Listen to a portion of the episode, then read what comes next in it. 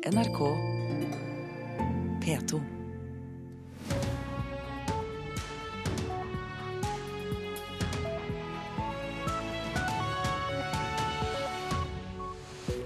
Dette er Nyhetsmorgen med bl.a. disse sakene. Foreldre får kort varslingstid før lærerstreiken rammer deres barn. Varsel gis kun få dager før skolestart. Bombingen av Gaza fortsetter. Vi får rapport fra Odd Karsten Tveit. I Libya opplever innbyggerne den verste volden siden Muammar Gaddafi ble styrtet, og flere land bryter kultursamarbeidet med Russland.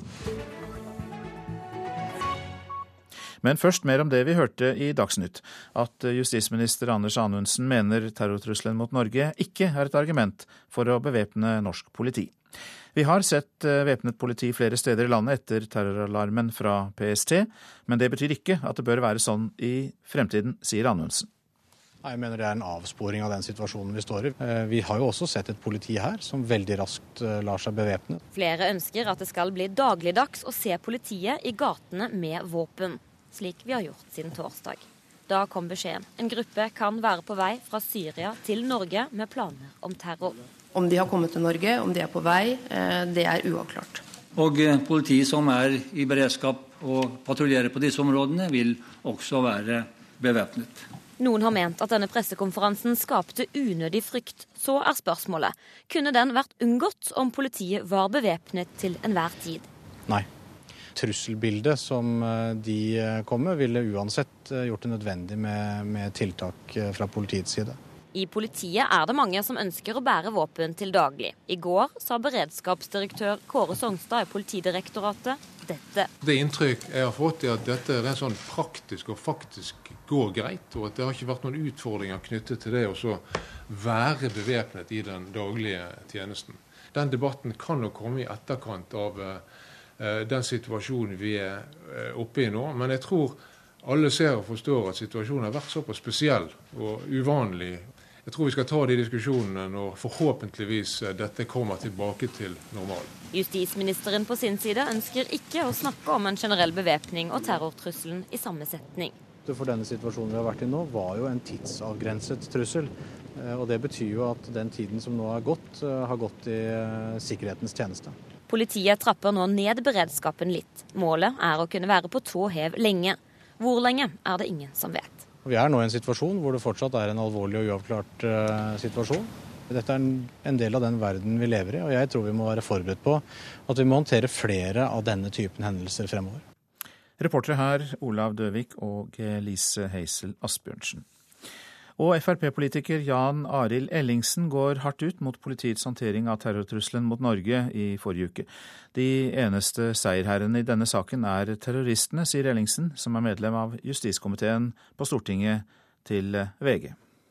Ellingsen er tidligere justispolitisk talsmann i Frp og kommer med krass kritikk av at politiet slo alarm og gikk til full bevæpning forrige uke. Han mener politiet med dette skapte støy og bekymring i befolkningen. Nå krever Ellingsen at det blir gjort en skikkelig evaluering av tiltakene, for å finne ut om det var berettiget å skape slik frykt i befolkningen. Hans partikollega justisminister Anders Anundsen var selv ifølge Klassekampen den som besluttet at Norge skulle innføre full terrorberedskap sist torsdag. Til VG sier han at kritikken fra Ellingsen er innsiktsløs.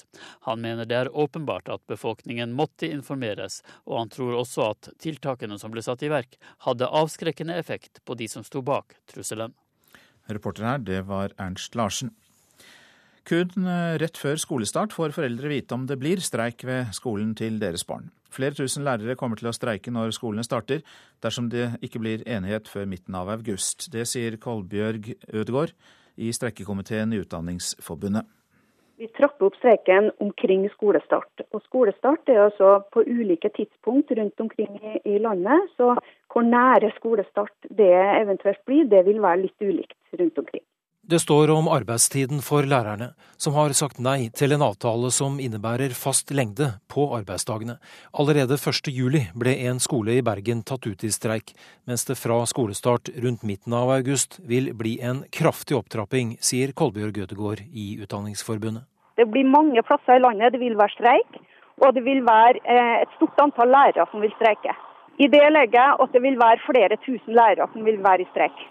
Dersom ikke Utdanningsforbundet og kommunesektorens organisasjon KS blir enige, vil streiken bli varslet fire dager før skolestart.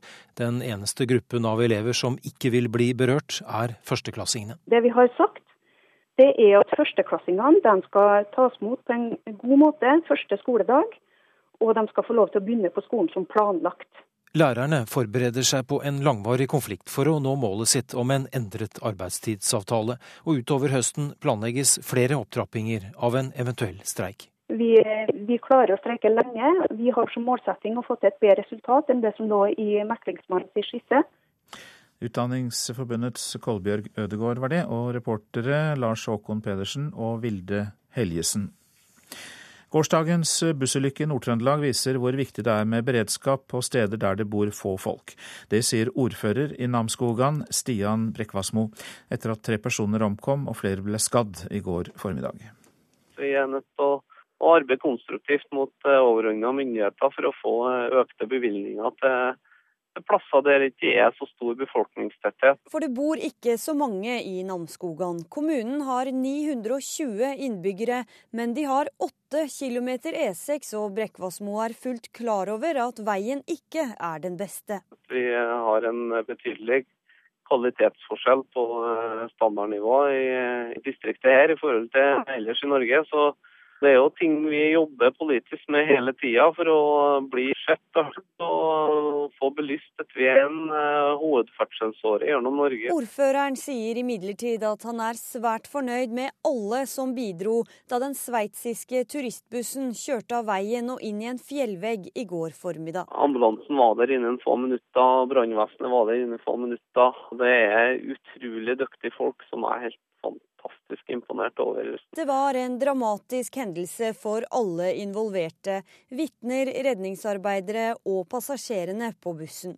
Brekkvassmo sier kommunen er klar til å følge opp alle som trenger det etter ulykken. Vi er til stede hvis de har behov for det. Så kan det hende at det går bra en periode, og så kan det hende at det kommer tilbake noen tanker etter hvert som gjør at vi må sette inn noen krefter litt senere. De skadde fra bussen har vært innlagt på sykehuset i Namsos i natt og blir fulgt opp der, forteller psykiater og avdelingsoverlege Elisabeth Bratland Romul. Vi tilbyr eh, dem som ønsker det, at vi kan være sammen med dem for å gjøre dette begripelig, ta imot de reaksjonene som måtte komme. De har opplevd en katastrofal hendelse, hvor de har eh, opplevd tap av eh, nære venner, nær familie, og eh, en ulykke med fare for sitt eget liv. Reporter Anna Rydland Nærum.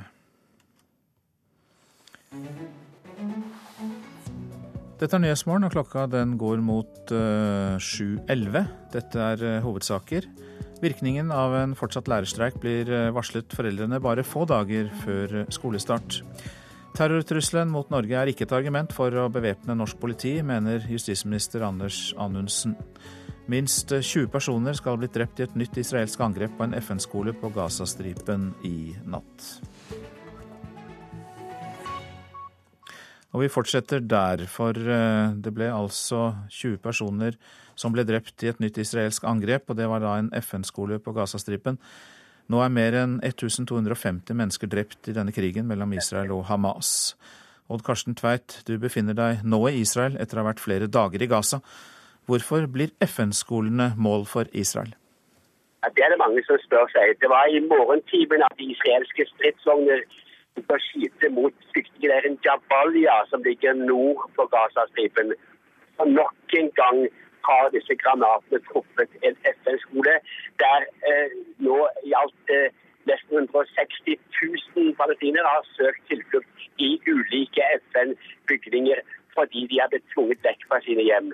Eh, rapportene eh, forteller at det kanskje er eh, mellom 15 og 20, vi er ikke sikre, men altså at de har truffet igjen en FL-skole. Og ikke nok med det, også andre boliger er truffet rundt omkring på Gazastripen, og hele familier er utryddet.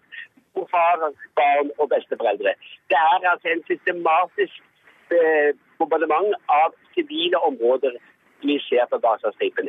Men her i Israel har, har også opplevd raketter i natt. Det har vært skutt raketter mot Jerusalem, mot Tel Aviv men ingen har gjort skade, og noen har blitt skutt ned før de landet.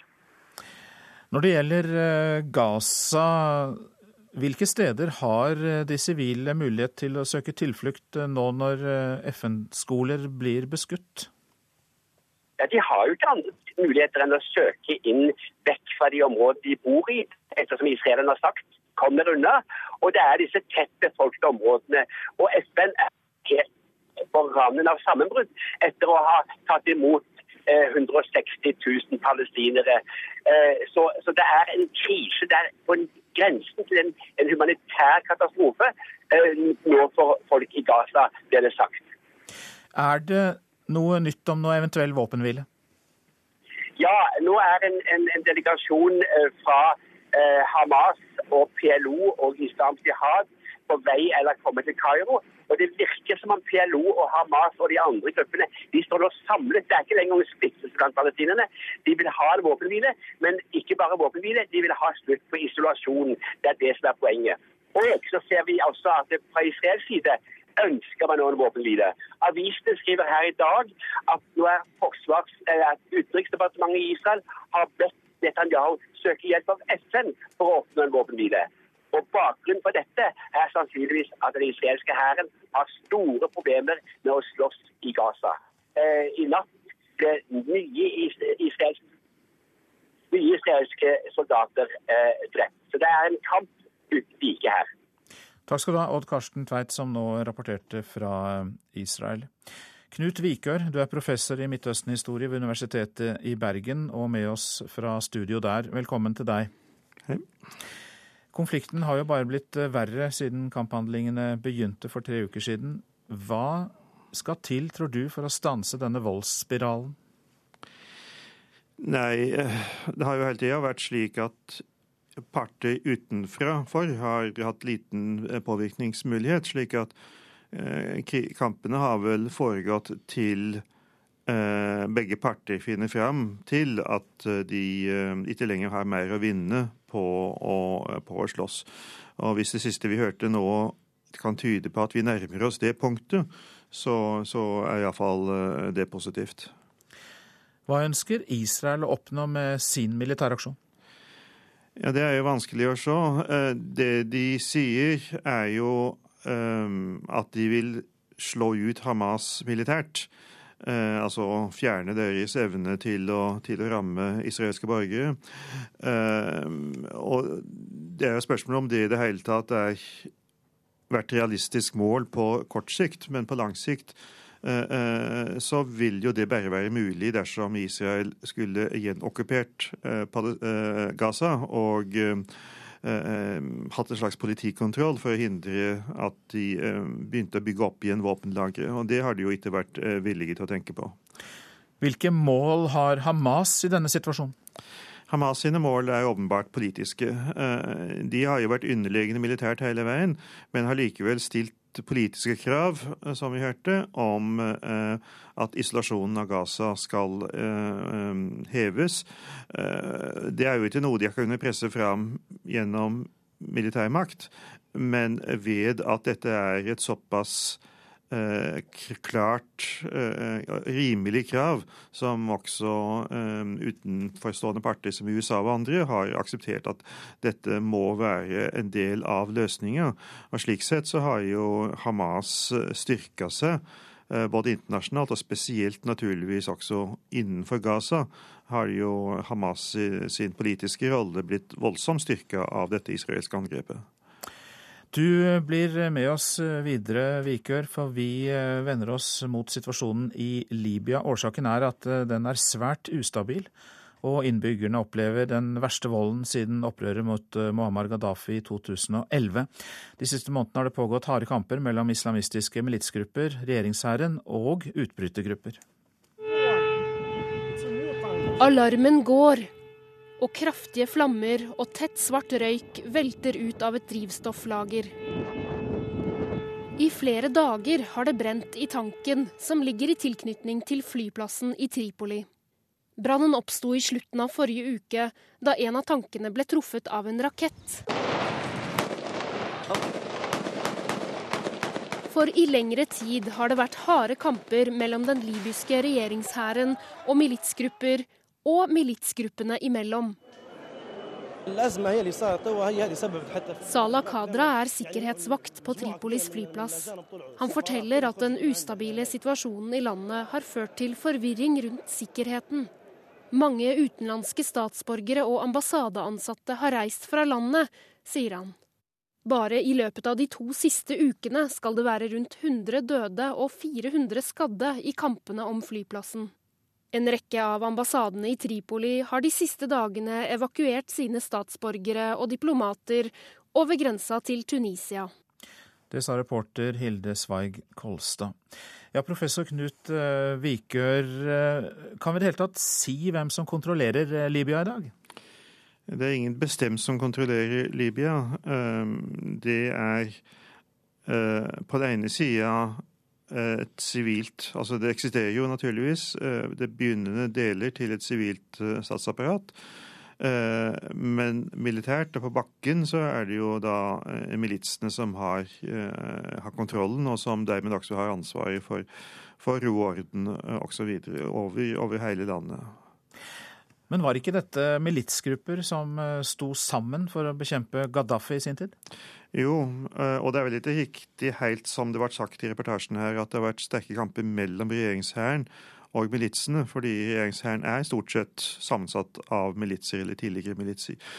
Eh, så disse er ikke opprørere, de som vi snakker om spesielt, de rundt Tripoli. Det er to forskjellige kamper her i vest og øst, men hvis vi snakker om de rundt flyplassen og rundt hovedstaden Tripoli til å begynne med, eh, så er det eh, kamper som, grupper som ikke står i opposisjon til, til staten eller gjør opprør mot dem, men som bare har, har, tok til seg kontroll over områdene rundt hovedstaden og deler av hovedstaden etter Gaddafis fall, og som har beholdt den hele tida. Men som da har rivalisert seg imellom. Ingen av de kommer fra Tippoli. Begge to kommer fra områder utenfor, altså de er geografisk basert, henholdsvis i sør, oppe i fjellene for, um, i sørvest for Tripoli, og i den tredje største byen, i uh, Misrata, som er øst for Tripoli. Så disse har uh, begge har hele tida hatt en rivalisering gående om hvem det er som skal dominere over hovedstaden. Men hvorfor i all verden overlater de da ikke til syvende og sist uh, makten til en samlet regjering for Libya? Hvorfor tviholder de på sin egen makt i sine områder? Ja, Det er jo fordi at denne samla regjeringa jo knapt nok har fungert og har kommet på, på bakken, eh, kommet i, i, drift. Vi hadde jo til og med en periode her i vår der det var to statsministre ut fra samme generalforsamling som før hun fikk det avklart. Uh, slik at uh, denne, denne, staten har liten autoritet, eller ingen autoritet, overfor disse gruppene. Begge disse gruppene er alliert i og for seg med eh, eh, forskjellige deler av statsapparatet. Eh, men de har ingen tiltro til, til denne staten. Altså, og Det gjelder jo også ikke bare disse to store, men også de mange mange små militsene som sitter rundt omkring i byer og landsbyer i Libya. Det er at de tror ikke på at eh, staten har makt til å beskytte min landsby, mitt område, fra eh, andre som ville komme og, og, ta over. Slik at jeg, vi må opprettholde da, disse gruppene som, eh, som oppsto under krigen mot Gaddafi. Og det er den dynamikken som holder, eh, holder den, hele denne militssystemet gående. Takk for at du orienterte oss om dette, professor Knut Vikør ved Universitetet i Bergen. Så var det avisene og forsidene der. Vannet i do er renere, bader i tarmbakterier. VG skriver om sjokkmåling fra norske badestrender. Verst er resultatene fra bystranda i Drammen, men Sognsvann i hovedstaden og Hovedøya innerst i Oslofjorden kommer også dårlig ut. Vet ikke om de selger dansk svin, skriver Nasjonen. Verken Coop, Rema 1000 eller Norgesgruppen kan svare på om noen av deres produkter inneholder svinekjøtt fra Danmark, der det har vært utbrudd av den antibiotikaresistente MSRA-bakterien i svinebesetninger. Det er menn som styrer ungdomspartiene, får vi vite i Klassekampen. Rød Ungdom kan få en kvinnelig leder snart, men i den øvrige partifloraen dominerer mennene. Begge fostersønnene ble seksuelt misbrukt. Guttene var livredde for å havne i fengsel dersom de ble avslørt. Aftenposten skriver om eh, fosterforeldre som slo alarm overfor myndighetene, og bidro til at guttenes biologiske foreldre ble dømt til fengsel i 18 og 17 år. LO stenger døra for unge arbeidstakere, hevder Høyres Stefan Heggelund og Venstres Sveinung Rotevatn i Dagsavisen. De vil ha flere midlertidige ansettelser, mer fleksible turnuser og flere lærlingeplasser, og mener det er en fordel for unge arbeidstakere. Bergen kommune tjente penger på Hansas ølsalg, skriver Bergens Tidende. Seks kroner per liter innkasserte kommunen i provisjon fra salget på de spesielle utearenaene under seilskutefesten Tall Ships Race. Jeg syns det er ekstremt uheldig at kommunen skor seg på folks alkoholkonsum, sier Marita Moltu fra KrF. Helt uproblematisk og vanlig å gjøre det slik, svarer byrådsleder Ragnhild Stolt Nilsen. Terror gir flere vektere, kan Vårt Land fortelle. Vekterbransjen har vokst markant etter 22.07-terroren. Ved Oslo sentralstasjon er de godt synlige. Men nå krever Frp-politiker Christian Tybring-Gjedde mer synlig politi ved trafikknutepunktene. Tor Olav Trøim slutter etter 19 år som høyre hånd i John Fredriksens rigg- og rederiimperium, skriver Dagens Næringsliv. Nå bygger Trøim opp sitt eget selskap, men skal fortsatt forvalte Fredriksens børsverdier. Går tom for båter. I Bergensavisen kan vi lese at båtforhandlerne jubler for supersalg. Etter nydelig vær og avgiftskutt er bergenserne blitt skikkelig båtgale.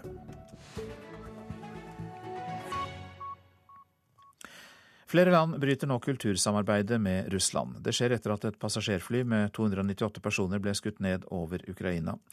Men Norge vil ikke bryte det omfattende kultursamarbeidet med Russland. Tromsø internasjonale filmfestival har i flere år satset på russisk film.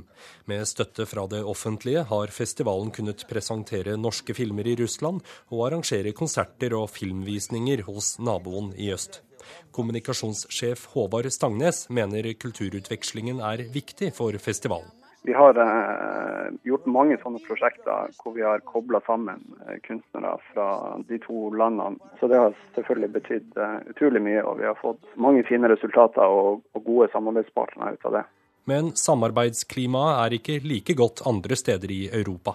Den engelske og den skotske regjeringen har nå trukket sin støtte til det russisk-britiske kulturåret som feires i år. Neste år skulle Polen og Russland feire sine kulturelle bånd gjennom en rekke arrangementer, men i forrige uke avlyste Polens utenriksminister hele kulturåret. Den norske regjeringen ønsker imidlertid ikke å bryte kultursamarbeidet med Russland. Norge har slutta opp om de restriktive tiltak som EU har innført, men vi har vært nødvendig i lys av de folkerettsbruddene som har vært eh, begått. Så har vi et omfattende kultursamarbeid. Det går som eh, normalt, og det ønsker vi å videreføre. Bård Glad Pedersen sa det, han er statssekretær i Utenriksdepartementet. Reporter Halvor Haugen. Stadig flere nordmenn velger København som ferieby. Bare i fjor ble det registrert nærmere en halv million norske overnattinger der, og det har vært en økning på 32% de siste fire år.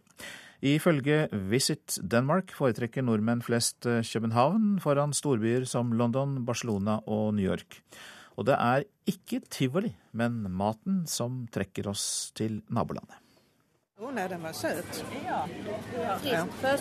I torvehallene i København blir det servert vesterhavsost og delikatesser fra Bornholm, som rosa rabarbrajus, lakris, akevitt og sennep. Vi er på guida mattur.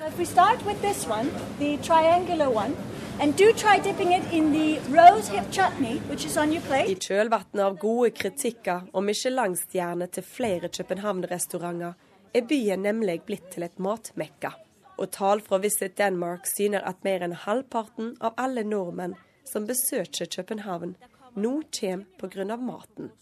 Guide Maria Beisheim fra Copenhagen Food Tours kjenner igjen tendensen. Nordmenn og svensker har vært vår tredje største gruppe av besøkende. Vi har bestilt en brunsj. Egg og bacon og røyka laks og brød og kaffe. I Nyhavn sitter Marit og Arne fra Orkdal og venter på brunch. De har tatt seg en ekstra tur til København, og det er det mange andre nordmenn som òg gjør for tida. Dermed har København blitt nordmennene sin absolutt favorittby, ifølge tall fra Visit Denmark. Det er lettvint å komme hit, og ja, det er rimelig, det er det òg, men danskene er jo trivelige å da komme til. Og Jon Henrik og Line fra Skarnes nyter stemning, shopping og maten. De er som de fleste nordmenn like interessert i maten rett under Michelin-stjernenivå som de dyreste restaurantene. Men de innrømmer at de drømmer om et bord på Noma. Vi har vært på Kong Hans, som har Michelin-stjernerestaurant. Og så har vi vært på ja, vi har vært på nesten alle, bortsett fra Noma, som står på lista. Sånn liten. Men vi må nok bestille bord i god tid. Og spare litt. Spare litt, ja. Men da har vi noe å se fram til. Det er ingen tvil om at når nordmenn tar en ekstra tur, en ekstra citybreak til en, en fremmed by, så ligger København helt rett for. København kan det hele. Med utsikt over domkirken og med kongens garde i bakgrunnen kan en gi Henrik Tierlein i Wonderful Copenhagen rett i at København bare har alt. Han sier bedre flysamband, lave priser, kulturtilbud og selvsagt maten lokker nordmenn til flere turer til København. Det skjer utrolig mye på kulturfronten, på hotellfronten og på matfronten. Den var riktig god. Ja, den hadde du gillet. Der er en dråpe kvar. Vil du smake? Reporter i København, det var Tove Iren Gerhardsen. Dette er Nyhetsmorgen. Prosent i dag Ulf Tannes Fjell. Her i studio Øystein Heggen. I reportasjen etter Dagsnytt kan du høre om Stillehavets pumaer. Og det er ikke ville dyr, men flere mindre land i Latin-Amerika som kalles det. De forbløffer verden med sin økonomiske framgang. Midtøsten og terrortrusselen mot Norge er temaer for samtalen som jeg skal ha med Fremskrittspartiets nestleder Per Sandberg. Og det blir omtrent når klokka er kvart på åtte.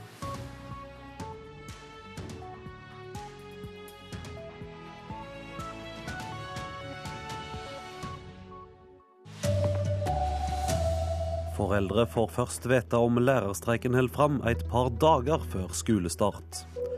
Mange drepne i Gaza i natt. Israel bomba en FN-skole. Barn blir sjalu av foreldra sin mobil- og nettbrettbruk, sier psykolog. Her er NRK Dagsnytt klokka 7.30. Ei avklaring om lærerstreiken holder fram, kommer like før skolestart.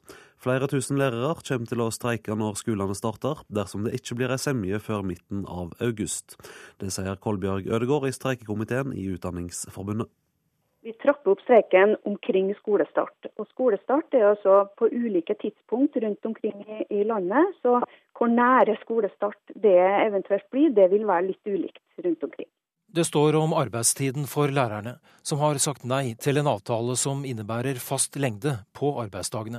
Allerede 1.7 ble en skole i Bergen tatt ut i streik, mens det fra skolestart rundt midten av august vil bli en kraftig opptrapping, sier Kolbjørg Gødegård i Utdanningsforbundet. Det blir mange plasser i landet det vil være streik, og det vil være et stort antall lærere som vil streike. I det legger jeg at det vil være flere tusen lærere som vil være i streik.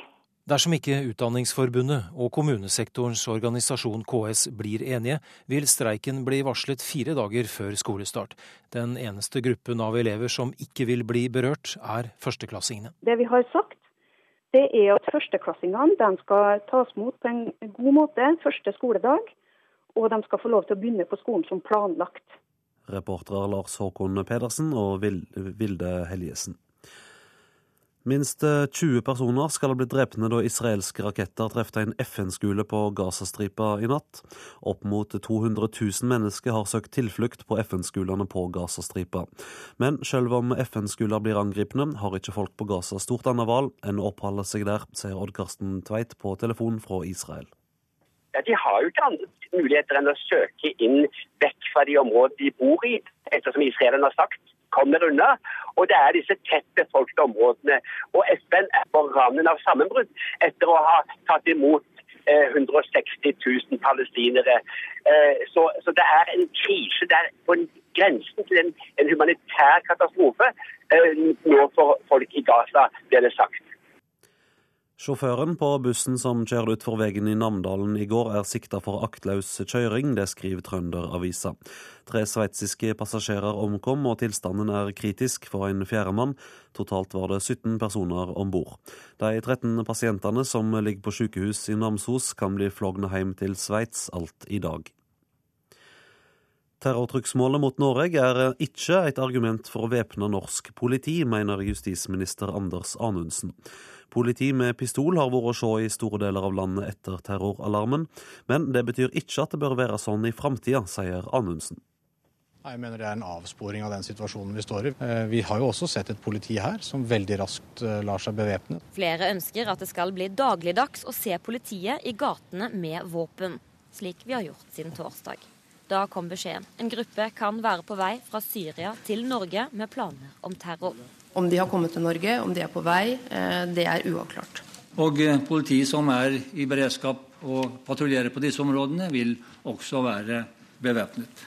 Noen har ment at denne pressekonferansen skapte unødig frykt. Så er spørsmålet kunne den vært unngått om politiet var bevæpnet til enhver tid? Nei. Trusselbildet som eh, de eh, kom med, ville uansett eh, gjort det nødvendig med, med tiltak fra politiets side. I politiet er det mange som ønsker å bære våpen til daglig. I går sa beredskapsdirektør Kåre Songstad i Politidirektoratet dette. Det inntrykk jeg har fått, er at dette er sånn praktisk og faktisk går greit, og at det har ikke vært noen utfordringer knyttet til det å være bevæpnet i den daglige tjenesten. Den debatten kan nok komme i etterkant av uh, den situasjonen vi er uh, oppe i nå. Justisministeren på sin side ønsker ikke å snakke om en generell bevæpning og terrortrusselen i samme setning. For denne situasjonen vi har vært i nå, var jo en tidsavgrenset trussel. Reportere Elise Heisel Asbjørnsen og Olav Døvik. Frp-politiker Jan Arild Ellingsen går hardt ut mot politiets håndtering av terrortrugsmålet mot Norge i forrige uke. Dette har skapt uro, og innbyggerne vil ikke ta en slik melding på alvor neste gang, sier Ellingsen, som er medlem av justiskomiteen på Stortinget. Han krever at PST beviser at det var rett å fortelle folk om trugsmålet, det skriver VG. Nestleder i Frp, Per Sandberg, er ikke sammen med sin partikollega. Jeg mener at eh, denne saken er håndtert eh, så langt helt utmerket.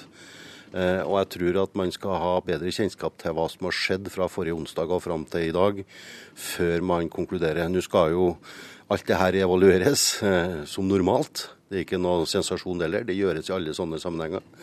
Men jeg mener at politiet, sammen med etterretning, PST, har håndtert denne saken på en utmerket måte på vegne av nasjonen. Mange blinde og svaksynte med førerhund opplever å bli avvist av drosjesjåfører som ikke vil ha hund i bilen. Ifølge ei kartlegging fra Norges Blindeforbund har annenhver førerhundbruker opplevd dette i Oslo-området det siste året, og det er halveplassene rundt Oslo S som er verst. Glenn Tuxen i Norges Taxiforbund vedgår at de har et problem, og sier drosjesjåførene har plikt til å ta med seg førerhunder. For det første så tar vi skarp avstand fra at folk avviser um, kunder med førerhund. Fordi at vi er jo en del av kollektivtrafikken, og vi anser at uh, vi da må frakte alle mennesker som, som har behov for å ha med seg førerhund også. Vi har vært på møte med de forskjellige sentralene i Oslo-området og informert.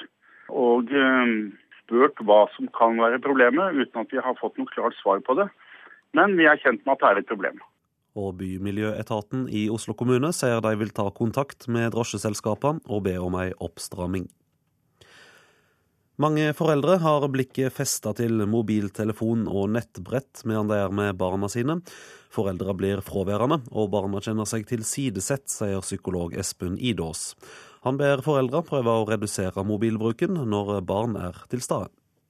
Vi har blitt hekta. Så det er absolutt. Vi, vi gjør det altfor mye. Men er det et problem, da? Ja, det er jo det. For hun eh, ser bare oss ned i en skjerm. Og det skal hun jo ikke. En formiddag langs brygga i Tønsberg i pent sommervær. Katrine Olsvik og Andreas Aagaard går tur med halvannet år gamle Amanda i vognen. Mens de går, har mamma Katrine mobilen i hånden. Og hun er slett ikke alene. Faktisk nå for kanskje en ti minutter siden, så når vi satt og spiste frokost, så satt jeg faktisk og så på mobilen halvparten av tiden. Da må vi innrømme det. Jeg merker det at man tar seg i det, at alle blir sittende med sin egen skjerm, og så blir det mindre sosialt samferd. For det er blitt helt vanlig å kikke på telefonen, nettbrettet eller PC-en veldig ofte, sier psykolog Espen Idås. Altså Mange føler jeg nå kjenner på at eh, det har blitt litt mye. Sånn at eh, små barn som selv ikke har telefoner, de legger jo merke til at foreldrene ofte er fraværende og hører f.eks. 'bare vent', 'jeg skal bare sånn', 'jeg skal bare dit'. Sånn at foreldrenes tilstedeværelse overfor barna, den tror jeg mange barn vil si er mindre enn var før. Barna kan fort bli sjalu på telefonen eller nettbrettet, sier psykologen. Det tror jeg at barna kan føle seg tilsidesatt eh, i stor grad. Altså kan være, du kan være på fotballkamper, du kan være i, i setting hvor barna er aktør. Og så hvor barnet merker at, eh, at foreldrene egentlig ikke er så veldig opptatt av det de holder på med der og da, men liksom er heller opptatt av denne nettbrettplata da, som de på en måte sjekker ut hva som har skjedd de siste tida. Psykolog Espen Idås til reporter Henrik Bø. Fotball nå. Stabæk nærmer seg nedrykksstria etter enda et tap i går. Vålerenga slo Bærumslaget 3-2 på Ullevål stadion etter et seint mål av Gayas Saeed. Fredrik Brustad han skårte begge måla til Stabæk, men var skuffa etter kampslutt. Er en veldig bitter følelse. Eh, veldig gøy å skåre mål på, på Ullevål. Eh, veldig kjedelig å ikke få noe igjen for det. Og Stabæk har fått lite igjen i det siste. Bærumslaget har ikke vunnet en eneste eliteseriekamp siden de slo Strømsgodset 20. mai. Etter 3-2 mot Vålerenga var trener Bob Bradley skuffet, men ikke motløs. Uh,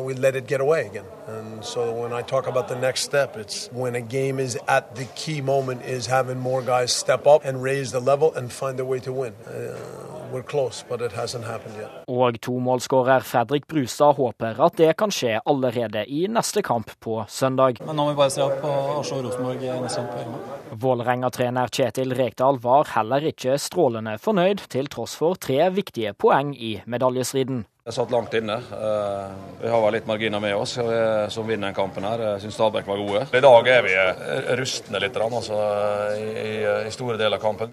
Kjetil Rekdal til slutt, reporter Henrik Agledal. Ansvarlig for sendinga var Sven Gullvåg, teknisk ansvarlig Hanne Lunås, og her i studio Vidar Eidhammer.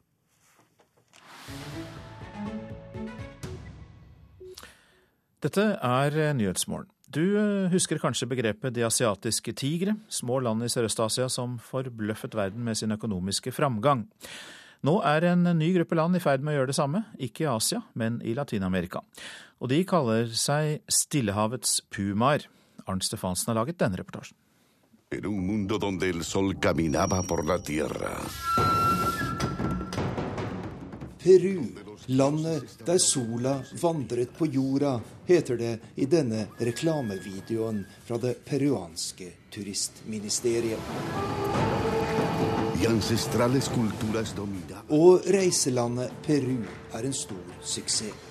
Magiske reisemål som Machu Picchu, den tapte inkabyen, fascinerer besøkende fra hele verden. De siste fem årene har Peru opplevd en årlig vekst i turistnæringen på hele 25% Den høyeste i hele Latin-Amerika. Det har gjort turisme til landets tredje største næring etter fiske og gruvedrift. Og det er mye som har gått fremover i Peru de siste årene. Indianerkvinnen Dorothea Sikos forteller sin historie i et program på peruansk TV. Hun vokste opp i dyp fattigdom og har hatt et svært vanskelig liv. Men for noen år siden startet hun sitt eget foretak med mikrokreditt fra et statlig prosjekt som har brakt henne og tusener andre ut av fattigdommen.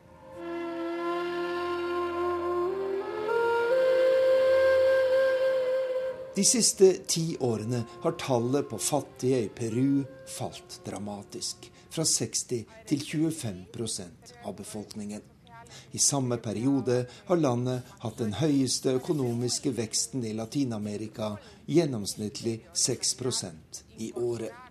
Peru er dermed selve suksesshistorien i en gruppe av land som nå får stadig større internasjonal oppmerksomhet. De kaller seg Los Pumas del Pacifico, Stillehavets pumaer.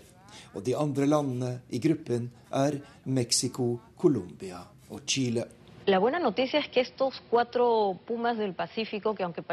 Stillehavets pumaer satser tungt på det som har vært en suksess andre steder, f.eks. i Den europeiske unionen, sier den peruanske eksperten Maite Vizara. De forener kreftene når det gjelder forskning og utvikling, og det er der fremtiden ligger. For den økonomiske fremgangen for våre fire land er fortsatt i stor grad basert på eksport av råvarer, og i for liten grad på høyteknologi og bearbeidede produkter, sier eksperten.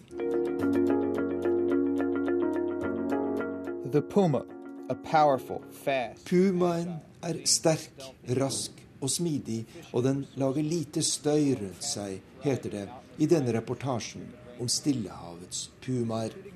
Mexico, Colombia, Peru og Chile har til sammen rundt 220 millioner innbyggere, og deres frihandelssone, Stillehavsalliansen, er på størrelse med økonomiske stormakter som Frankrike og Brasil.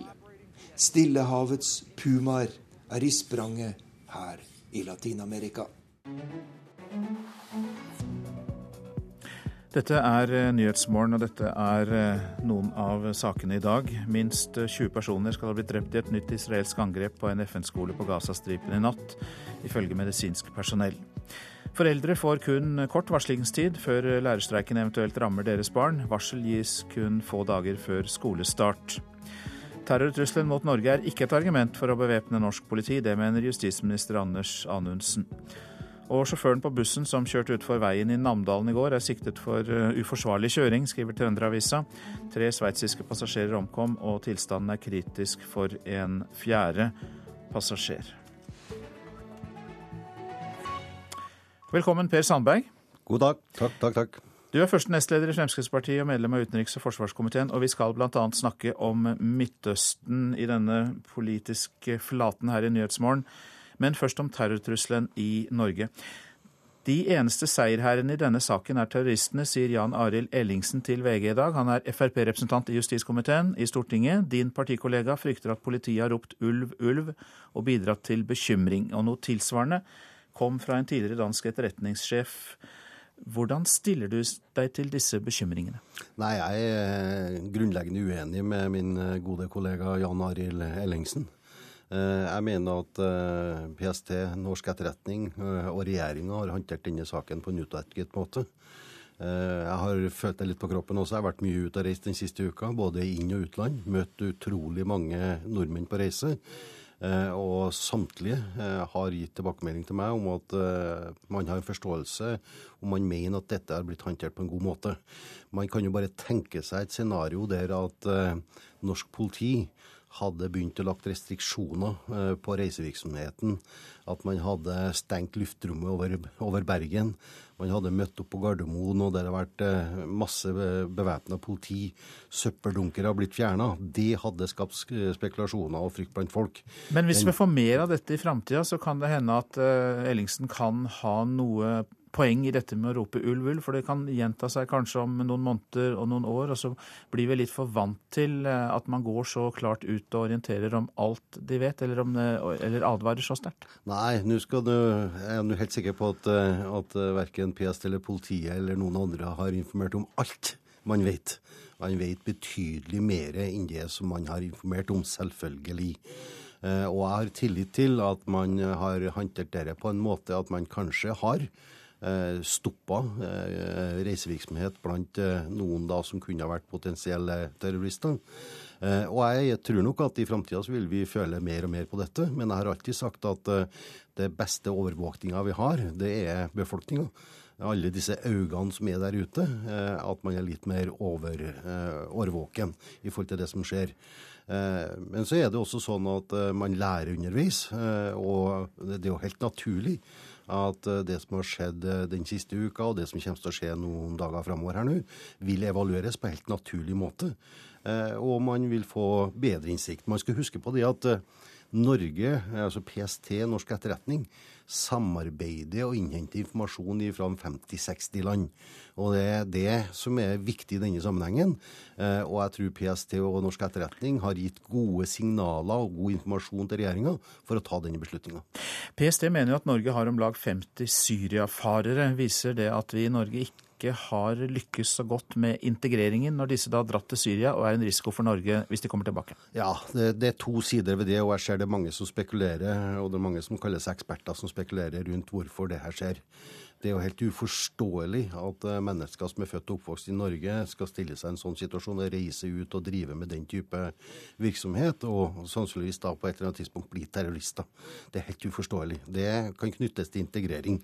Og det at vi har fått for masse utenforskap i Norge, det har Fremskrittspartiet og undertegnede kritisert i 10-15 år. Men det andre er også at Norge som nasjon, en liten nasjon, involverer seg nærmest i samtlige konflikter rundt omkring i verden. Kanskje skal vi ta en runde på og diskutere hvorvidt at Norge skal reise rundt og være og forstå seg pårørende i alle konflikter og ta part i nesten samtlige konflikter. For jeg tror det at det kan medføre også at eh, vi blir et Eh, et større mål etter hvert. Har du nådd fram med det hos utenriksminister Børge Brende fra Høyre? Ja, Nå har vi hatt sommerferie alle sammen. men, men altså, og denne, denne, situasjonen vi har hatt den siste uka, både i forhold til eh, situasjonen i Midtøsten med Israel, men også i forhold til den terrorsituasjonen vi har vært, vært, utsatt for, det har vi ikke hatt en anledning til å diskutere. Men jeg tenker at både jeg og Brende får eh, rimelig anledning til å diskutere dette når vi møtes i Stortinget til høsten. Ja, og da vil du be han om at Norge er litt mindre engasjert ute? Ja, men det har Fremskrittspartiet og undertegnede sagt i, i, flere sammenhenger. Altså, det Hvilken rolle skal Norge spille i de forskjellige konfliktene rundt omkring? Eh, og samtidig, hvor store bidrag skal Norge ha i forhold til de store konfliktene som, som, eh, som eksisterer? Lukke oss inn i oss selv, da? eller? Ja, altså, jeg har jo et inntrykk av at uansett hvem som styrer dette landet, altså vår, våre utenriksministre har en tendens til å bli litt høy på seg sjøl når man er ute og reiser. Eh, og derav også tror at man skal løse de forskjellige konfliktene. Men det som er faren med det at Norge da opptrer sånn internasjonalt, det er det at vi tar part eh, i de forskjellige konfliktene, eh, og da ser vi ikke konsekvensene av det. Vårt bidrag og vårt engasjement i Afghanistan jeg er ikke i tvil om har skapt uro, og at vi har blitt et større mål i forhold til terror, blant annet. Du har jo selv bidratt. Du eh, har vært i Libanon. Og la oss gå over på Midtøsten, Sandberg. Du tjenestegjorde da der. Forandret det din oppfatning av Israel-Palestina-konflikten? Nei. Eh, jeg har hatt samme oppfatning siden 1986, da jeg tjenestegjorde i Libanon. Eh, det var mange av mine kolleger som tjenestegjorde, som fikk en negativ oppfatning av, av Israel. Eh, men eh, jeg tror nok at jeg greide å sortere både de gode og de onde den gangen, og det gjør jeg i dag også. Eh, og jeg sier det samme i dag som jeg sa i 1986 når jeg kom hjem fra min tjeneste. Det er det at det handler ikke om menneskene, det handler ikke om jøder, det handler ikke om palestinere. Befolkningen går godt i lag. Dette handler om noe mer enn det. Det handler om at vi har en terrororganisasjon. Eh, det handler om eh, gruppering og organisasjoner. Det handler om land og nasjoner som overhodet ikke ønsker en fredsløsning i Israel mellom palestinere og jøder. Men hvilken rett går Israel til så kraftige angrep som vi så i natt? Altså 20 personer drept på et sykehus bare, bare i natt. Med hvilken rett kan det gå så kraftig til verks? Ja, nå var det vel påstått i dag at det var en FN-skole som har blitt ramma. Ja, FN-skole, ja. Det tar jeg jo selvfølgelig fullstendig avstand ifra, hvis så er tilfellet. Men jeg tror nok man skal se litt på historien for å se hvorfor at situasjonen er sånn som den er i dag. Nå har det vært forsøk på våpenhviler både fra den ene og den andre siden, og ingen har overholdt denne, og særlig ikke Hamas. Min påstand er, og jeg vet jeg provoserer mektig når jeg sier det, det eneste måten å frigjøre og trygge det palestinske folket på, det er å frigjøre dem ifra Hamas. Eh, det er det grunnleggende som må skje nå for at man skal komme fram til en fredelig løsning mellom de jødiske befolkninga og, og, det palestinske folket i Israel, og for, for å komme på det sporet om å diskutere en tostatsløsning igjen. Ja, men Israels statsminister Benjamin Netanyahu har jo i årevis stått for en hard linje overfor palestinerne og avvist eh, fredsordninger. Så uh, la oss tenke oss at Israel hadde hatt uh, mer kompromissvillige ledere i disse årene. Ville situasjonen da sett annerledes ut? Jeg liker fortsatt ikke at man, at man sier at det er et forhold mellom Israel og palestinere. For det palestinske folket eh, tror jeg gjerne ønsker seg en fredelig løsning på en helt annen måte. Men det Netanyahu eh, også da uttaler, det er da dem han skal forhandle med. Og når de skal forhandle med Hamas og andre organisasjoner som er sterkt ført og, og, og leda av andre krefter, kanskje i andre land også, som omgir denne, denne regionen, eh, så er Israel knallhard, og det bør de være. Jo, men Fyrer de ikke opp Hamas gjennom en så massiv eh, motangrep som Israel eh, har brukt den senere tid? At de gir dem eh, mer støtte og mer oppslutning? For de var jo faktisk hadde lavere oppslutning etter hvert før dette skjedde? Ja, nå registrerer jeg også at det har kommet ut noen få da, reportasjer fra, fra konfliktområdet eh, om at eh, noen ser på Hamas som den største trusselen også. Det er jo noen som påstår at Hamas er dem som da drep det palestinske folket også. Så diskusjonen er jo ikke ensidig i så måte. Eh, men jeg tror nok at både FN og andre, kanskje også Norge, hvis man skal involvere seg i noe større grad enn det man allerede har gjort, bør påse det at det er Hamas som er det store problemet her nå, for å komme fram til en fredelig løsning. Takk skal du ha, Per Sandberg, som er første nestleder i eh, Fremskrittspartiet. Nå skal vi til dagens sommerprat.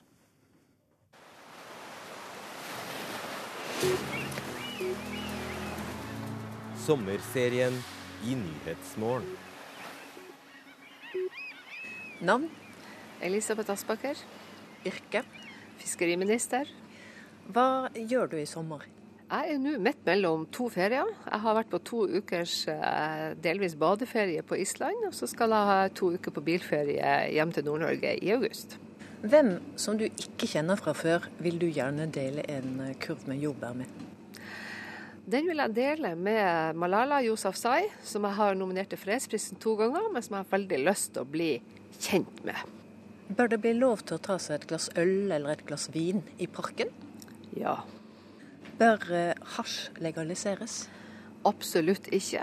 Vi har nok forskning som viser at uh, dette er et uh, narkotikum som også har klare uh, fysiologiske negative effekter. Så forhelligelse av hasj er jeg helt imot. Gir du til tiggere? Nei.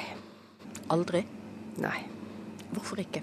Gjør vi det, så måte, tiltrekker vi oss bare enda mer av det her. Og vi må ha sosiale systemer i Norge som skal ta vare på de som uh, har behov for hjelp, uten at folk skal være nødt til å sitte på gata og tigge. Tjener Erna Solberg for lite? Ja, Hvis du tenker på det ansvaret hun har, og når man ser på hva en del andre ledere i samfunnet tjener, så tenker jeg at statsministeren i Norge godt kunne hatt bedre lønn. Kjører du elbil? Nei, men jeg kjører en Prius hybrid, så han er delvis el. Vil du ha OL i Oslo i 2022? Eh, Vet du hva, Det har jeg faktisk ikke tatt stilling til ennå. Vi venter jo nå på et, eh, det beslutningsgrunnlaget som regjeringa skal få. Eh, og jeg må si at jeg er veldig i tvil om hva jeg skal mene om den saka. Kunne du sendt barna dine på privatskole? Nå har ikke jeg barn sjøl, men jeg respekterer at foreldre noen ganger finner ut at de vil gjøre et annet valg, og at de føler at det er mer rett for ungene deres. Så jeg vil ikke sette meg til doms over noen som faktisk gjør et annet valg bort fra den eh, offentlige skolen. Og Ifølge FNs eh, barnekonvensjon så skal foreldre ha rett til å kunne velge et alternativ. Monarki eller republikk? Jeg er monarkist. Hvis du fikk all makt i Norge én dag, nevn én ting som du ville endret permanent.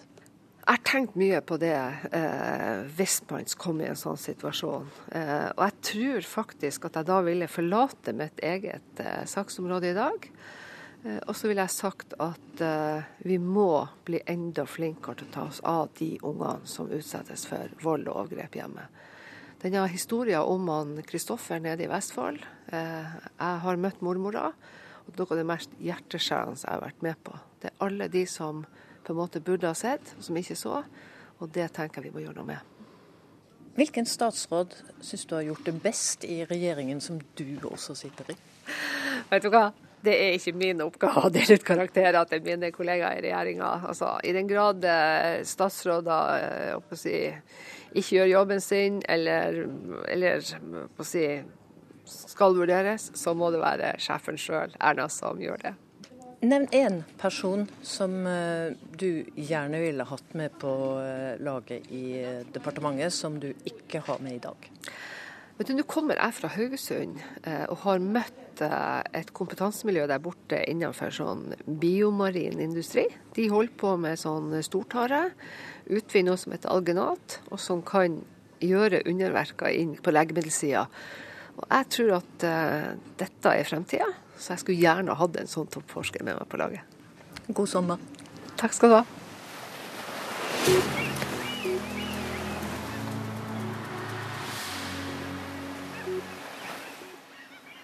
Fiskeriminister Elisabeth Aspaker, intervjuet av eh, Katrin Hellesnes.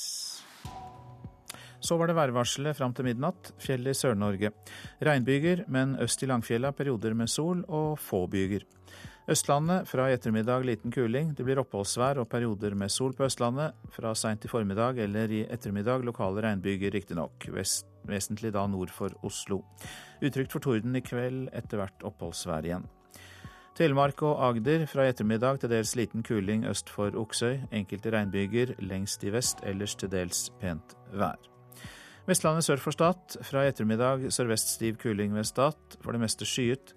Regnbyger kan hende med torden.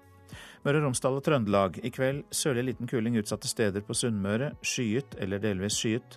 Regnbyger kan hende med torden.